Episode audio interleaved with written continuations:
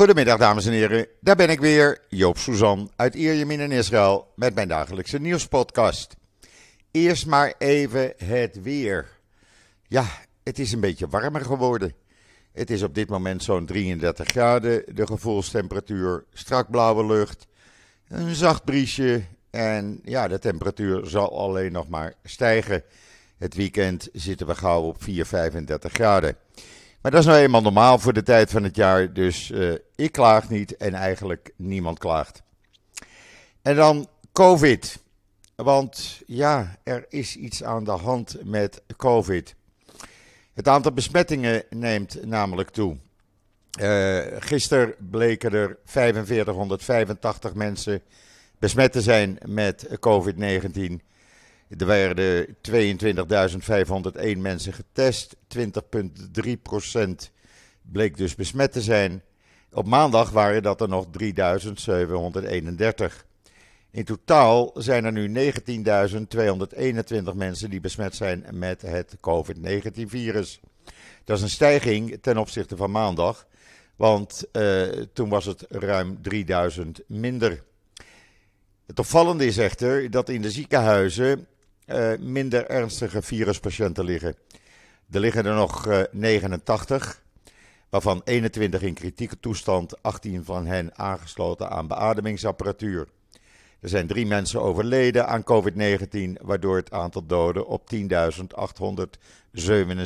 is uitgekomen. Het ministerie van uh, Volksgezondheid adviseert nu om aan ouderen en mensen die uh, onderliggende ziekte hebben, om niet verplicht, maar vrijwillig mondkapjes te dragen in binnenruimten of op drukke plekken zoals het openbaar vervoer. Men doet dat om, uh, ja, gewoon als advies. Wat de oorzaak is dat die stijging er is, niemand die het weet. Maar we houden er wel rekening mee dat dat voorlopig blijft stijgen. En ja, het is maar goed dat men hier nog elke dag eigenlijk het aantal COVID-besmettingen bijhoudt en bekend maakt. En niet zoals in Nederland dat het één keer in de week of één keer in de twee weken bekend wordt gemaakt. Nee, elke dag is hier een nieuwe opgave. En we zullen kijken wat het vandaag weer doet. Het uh, aantal mensen die COVID uh, hebben gekregen. Uh, voorlopig houdt men nog alles vrijwillig. Wel is de IDF aan het kijken of het nodig is om binnenkort een vijfde vaccinatie te gaan geven. Omdat men vermoedt dat de vaccinaties wat aan het uitwerken zijn. We zullen het zien. In ieder geval, uh, we doen wat het advies is en dragen in winkels en het openbaar vervoer zoveel mogelijk een mondkapje. En dan uh, komen er twee nieuwe metrolijnen in de planning in regio Groot Tel Aviv bij. Uh, binnenkort is de eerste metrolijn goedgekeurd uh, open. Uh, men is bezig met de tweede metrolijn, maar er komt ook een derde metrolijn. En eigenlijk kan je dan zeggen dat over een aantal jaren rond Groot Tel Aviv de metro compleet is. Van Bat Yam van, naar Ben Gurion Airport, van Herzliya naar Ben Gurion Airport, de Givatayim, alles in Groot Tel Aviv.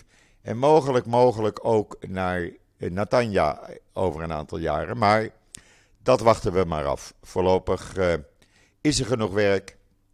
En dan heeft men 145 kilometer aan metro met 109 stations over een aantal jaren. Het hele verhaal is te lezen in israelnieuws.nl. En dan ook de afgelopen nacht heeft de IDF weer terreurverdachten aangehouden. Deze keer 21 uh, mensen in totaal. Opnieuw in uh, steden, Palestijnse dorpen, stadjes uh, in Judea en Samaria, oftewel de Westbank. Waaronder Bethlehem, Beth Dagan, Al-Ram, Bidu. Nou, verschillende Palestijnse dorpen en steden. er werden ook explosieven naar de IDF-soldaten gegooid. U kunt het allemaal zien in Israël Nieuws. Daar is ook een video. En dan uh, Het Israëlische paviljoen op de Euro Satori 2022, de defensietentoonstelling in Parijs, is geopend, is ingewijd. Tientallen Israëlische fabrieken op defensiegebied tonen daar hun producten. U kunt het allemaal zien en lezen, ook dit keer in israelnieuws.nl. Want als ik het allemaal uit ga leggen, dan, uh, ja, dan gaat u niet meer lezen natuurlijk. En dan is er een Joodse man in uh, Straatsburg aangevallen en mishandeld terwijl hij bezig was campagneposters aan het ophangen voor zijn vrouw, die kandidaat is voor een zetel in de gemeenteraad van Straatsburg. Uh, het hele verhaal hebben we overgenomen van uh, Jewish Telegraph Agency met hun toestemming. En u kunt dat lezen in israelnieuws.nl. Het is de zoveelste antisemitische gewelddaad in eh, Frankrijk. Het blijft maar toenemen. En dan de integratie van vrouwen in gevechtsunits in de IDF wordt uitgebreid. Ook dit hele verhaal staat in israelnieuws.nl vanzelfsprekend. Uh, men kan ook bij uh, uh, speciale units, zoals de reddingsunit, de 669, wat apart is. En ook hier weer een video van vrouwen in gevechtsposities in de IDF. Niet in alle gevechtsunits, maar unit 669 is al heel wat. Want die is gespecialiseerd en geclassificeerd als een speciale elite-eenheid. Dan moet je voldoen aan uh, ja, behoorlijk hoge fysiologische drempelvoorwaarden. Uh, er zijn zware screenissen en je komt daar niet zomaar in.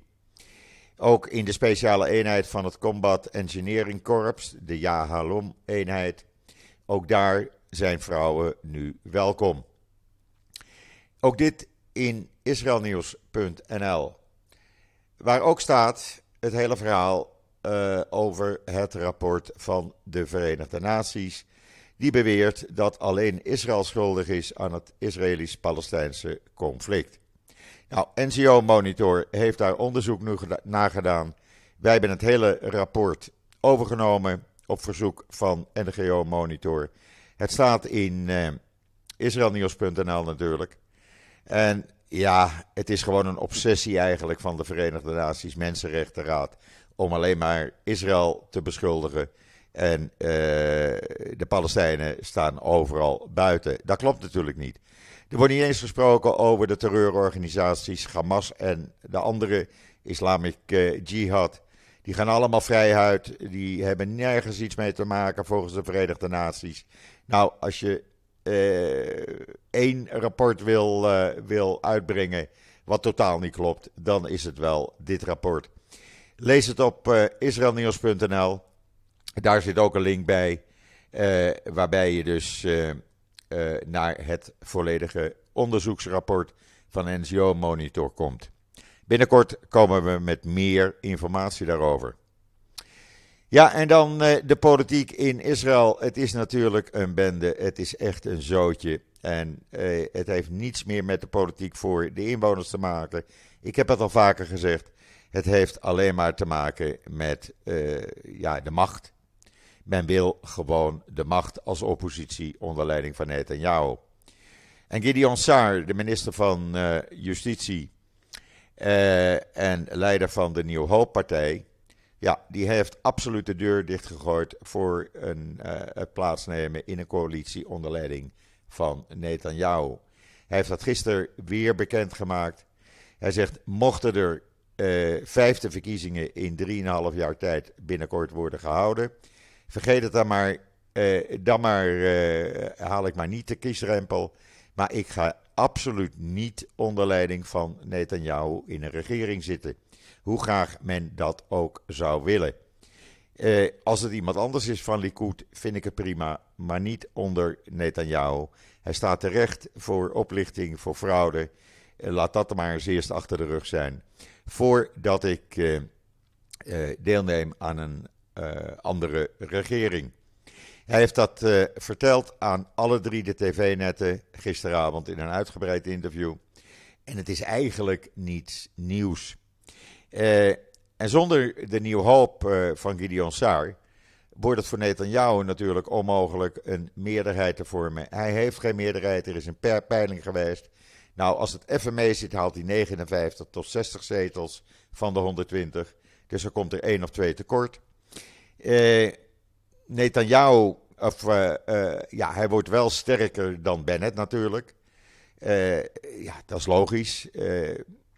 En wat Bennett aangaat, ja, we hebben natuurlijk die afvallige uh, Knesset-lid van Bennett's partij, Edith Silman, die dit doet op aandringen van haar man eigenlijk, die weer een prominent Likud-lid is. Ja, het zit allemaal als een zootje in elkaar, mensen. Maar in ieder geval, uh, mevrouw Silman, die keert zich dus tegen de huidige regering. Waardoor deze huidige regering ook op 60 zetels uitkomt. Ja, hoe nu verder? Niemand die het weet. En we moeten gewoon uh, de komende dagen, weken afwachten hoe het allemaal verder gaat. En dan is vandaag duidelijk geworden dat die aanval van, die wordt toegeschreven aan Israël, op 20 mei op de internationale luchthaven van Damascus, eh, bewust de landingsbanen hebben beschadigd. Dat blijkt nu uit satellietbeelden, die konden we gisteravond al zien op televisie, staan nu ook in de Times of Israel. Waardoor die landingsbanen niet meer gebruikt kunnen worden door de Iraanse 747 vrachtvliegtuigen. Daar is het onmogelijk voor geworden. Dus er kan uh, niet meer met die grote toestellen geland worden. Het is een uh, tiental meters korter geworden. Het is allemaal raak geweest. Je kan het op Times of Israel tot in detail allemaal lezen. Ja, en er was er een vrouwelijke terrorist en die had het, nou laat ik zeggen, het godspe om een verzoek voor een neuscorrectie in te dienen. Want bij de aanval die zij eh, had gepleegd als terroriste, raakte ze zelf ook gewond en zij wil een neuscorrectie hebben. En uh, of dat maar even gedaan kan worden. Nou, de Israëlische gevangenisdienst, heeft besloten om geen cosmetische neusoperatie te financieren. En ze moet het maar doen, mevrouw Isra Jabis, met de neus die ze heeft uh, en die ze kreeg na de explosie. Had ze maar niet uh, de boel moeten opblazen en mensen moeten doden. Maar hoe haal je het in je hoofd eigenlijk? Het hele verhaal hierover in de Times of Israel. En dan ja, eh, niet alleen NGO Monitor eh, beschuldigt de Verenigde Naties van het eenzijdig uitkiezen van Israël als schuldige. Nee, ook het Amerikaanse ministerie van Buitenlandse Zaken. Die zeggen precies hetzelfde. Die zeggen ja, je kan niet alleen Israël beschuldigen. Uh, ook de Palestijnen zijn schuldig aan het huidige conflict. En als je als Verenigde Naties alleen maar Israël beschuldigt, ja, dan uh, gooien we dat rapport meteen weg. En uh, Amerika komt zelf met een ander rapport. Uh, en dan blijkt nu dat ruim 20% van de veteranen uit de Eerste Oorlog met Libanon, die blijken te lijden aan PTSS of PTSD-symptomen. Eh, dat blijkt uit een nieuw eh, onderzoek. 1 op de 5 veteranen van de Eerste Libanon-oorlog die leidt aan de posttraumatische stressstoornis PTSS. En bijna geen van hen heeft ooit hulp gezocht voor hun geestelijke gezondheidsproblemen. Dat blijkt uit nieuw onderzoek wat nu is uh, bekend geworden. En dat is natuurlijk wel raar. Terwijl iedereen dacht dat veel soldaten uh, juist hulp hadden aangevraagd, blijkt het tegenovergestelde zo te zijn. En dat hele verhaal in de Jeruzalem Post. En daar moet toch echt wel wat aan gedaan worden. En dan de grote leider, meneer Abbas, die is de boel weer aan het chanteren. Want die heeft tegen meneer Blinken gezegd: van luister, uh, wij willen best uh, de banden met Amerika weer aanhalen. En wij staan daarvoor open. Maar jullie zullen eerst een, een Amerikaans consulaat in Jeruzalem voor ons moeten openen.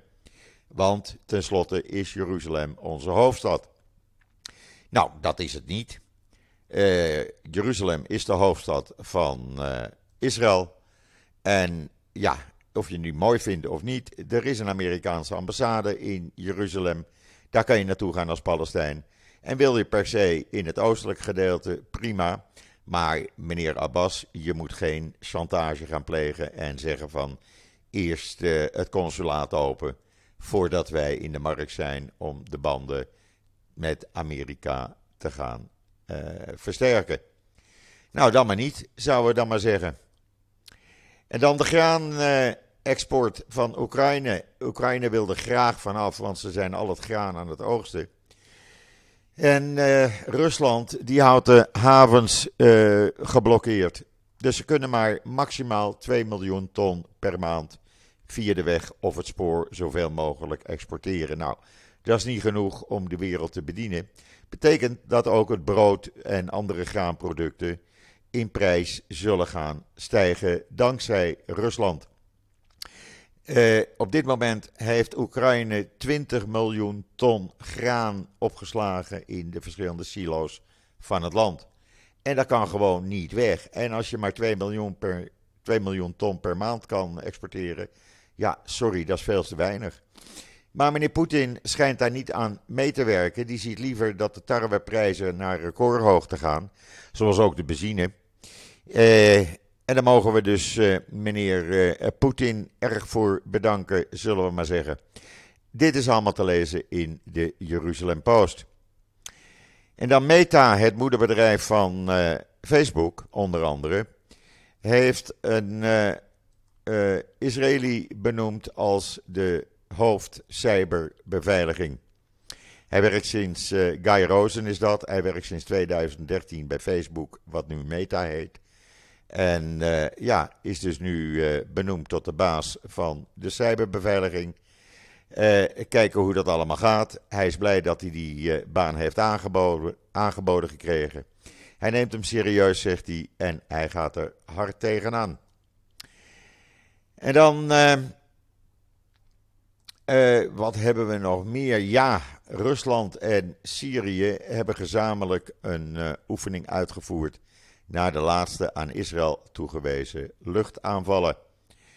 Uh, ja, ze moeten toch wat eigenlijk. En dat is ook een van de redenen. Uh, Israël kan nog steeds uh, doelen van Hezbollah aanvallen en van Iran aanvallen in Syrië.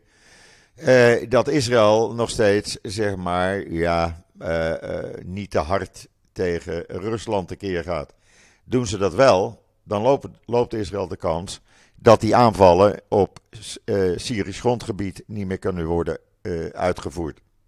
Dat Rusland nu uh, samen met Syrië wat oefeningen uitvoert, ach, laat ze maar. Dan kan Israël ook weer hun gang gaan. Ja, en dan een van de hoge generaals van de IDF, die heeft Hezbollah gewaarschuwd uh, wat is er namelijk aan de hand? Hezbollah is druk bezig met het bouwen van allerlei posten langs de grens met Israël. En die worden dan bemand door Hezbollah-agenten. En uh, de commandant van het Noordelijk Front die heeft gezegd: dit zullen wij tot uh, niets terugbrengen. En we zullen de verantwoordelijke laten boeten. Althans, dat zei de hoge commandant van de IDF, meneer Baram. Uh, dit hele verhaal kan je lezen in de Times of Israel. Maar ja, ik hoop het niet dat het zo voorkomt dat we in oorlog raken met Hezbollah. Want daar zit eigenlijk niemand uh, op te wachten, zullen we maar zeggen. En dan is de dochter van een van de bekende Druus-politici en uh, onderburgemeester van het stadje uh, Serafam, of Sfaram in het noorden van Israël. Die uh, is gisteravond omgekomen nadat haar auto uh, explodeerde. Zij was uh, anti-geweldactivist en zat in haar auto die blijkt een explosief te hebben gehad. En plotseling vloog haar auto de lucht in. de reden daartoe, men is het aan het onderzoeken. En ja, misschien was het onderlinge ruzie uh, maar in ieder geval, ja, uh, deze uh, meneer Knijfs, Die is nogal bekend. Het is een prominent lid van de Druze gemeenschap. En wat hierachter zit, ja, men weet het niet. Men suggereert dat mogelijk hij zelf doelwit was, maar dat hij niet die auto inging en zijn dochter. En ja, niemand weet nog de reden, maar het is wel opvallend. Vrouwtje was 28 jaar. En dan, uh, ja, een commentaar overal in Israël eigenlijk, want ja, ik heb het er al in de vorige podcasten ook over gehad. Het politieke spel wat op dit moment wordt gespeeld in Israël, dat heeft niets meer te maken met de politiek ten behoeve van de inwoners. Het heeft alles te maken met macht. Macht van mensen van de oppositie, macht van Netanyahu, die, die graag premier wil worden om zodoende de rechterlijke macht uh, te ontslaan en naar zijn hand nieuwe te benoemen om zijn proces uh, te beëindigen. Uh, andere politieke partijen die bijvoorbeeld zoals de orthodoxe partijen niet houden van ja, de mindere strengheid die de huidige regering aan allerlei orthodoxe organisaties toebrengt. Het feit dat orthodoxe uh, studenten, ultra-orthodoxe mannen die op yeshivas zitten, toch ook moeten gaan werken. In plaats dat ze alleen maar geld van de staat krijgen. Ja, daar is men niet zo van gediend. Het gaat dus om macht, macht, macht. En voor de rest kan iedereen barsten. Nou, dat heeft niets meer met politiek te maken. Uh, ik blijf het dictatorschap noemen. En als je dan ziet elke avond op televisie. Bijvoorbeeld een mevrouw Silman, die voor Bennett's partij gekozen is in de Knesset. Onder druk van haar man, die een prominent Likud-lid is. Uh, Bennett's partij de rug heeft toegedraaid. Wel in de Knesset zit. Wel tegen beslissingen van de huidige regering uh, stemt. Waardoor deze regering geen meerderheid meer heeft. Ja, waar zijn we dan mee bezig, mensen? Het is één grote bende. En als je denkt dat het in Nederland een zootje is, nou, in Israël is het net zo erg. En uh, ja, andere landen ook. Het lijkt wel of het modern is tegenwoordig. Ik weet het niet, maar ik vind het maar raar. Maar goed, we zullen zien de komende dagen wat er allemaal gaat gebeuren, politiek gezien. In ieder geval, uh, het weer is het enige wat meewerkt. Uh, nogmaals, het wordt wat warmer. Ik heb de airconditioning uiteindelijk er maar bij aangedaan.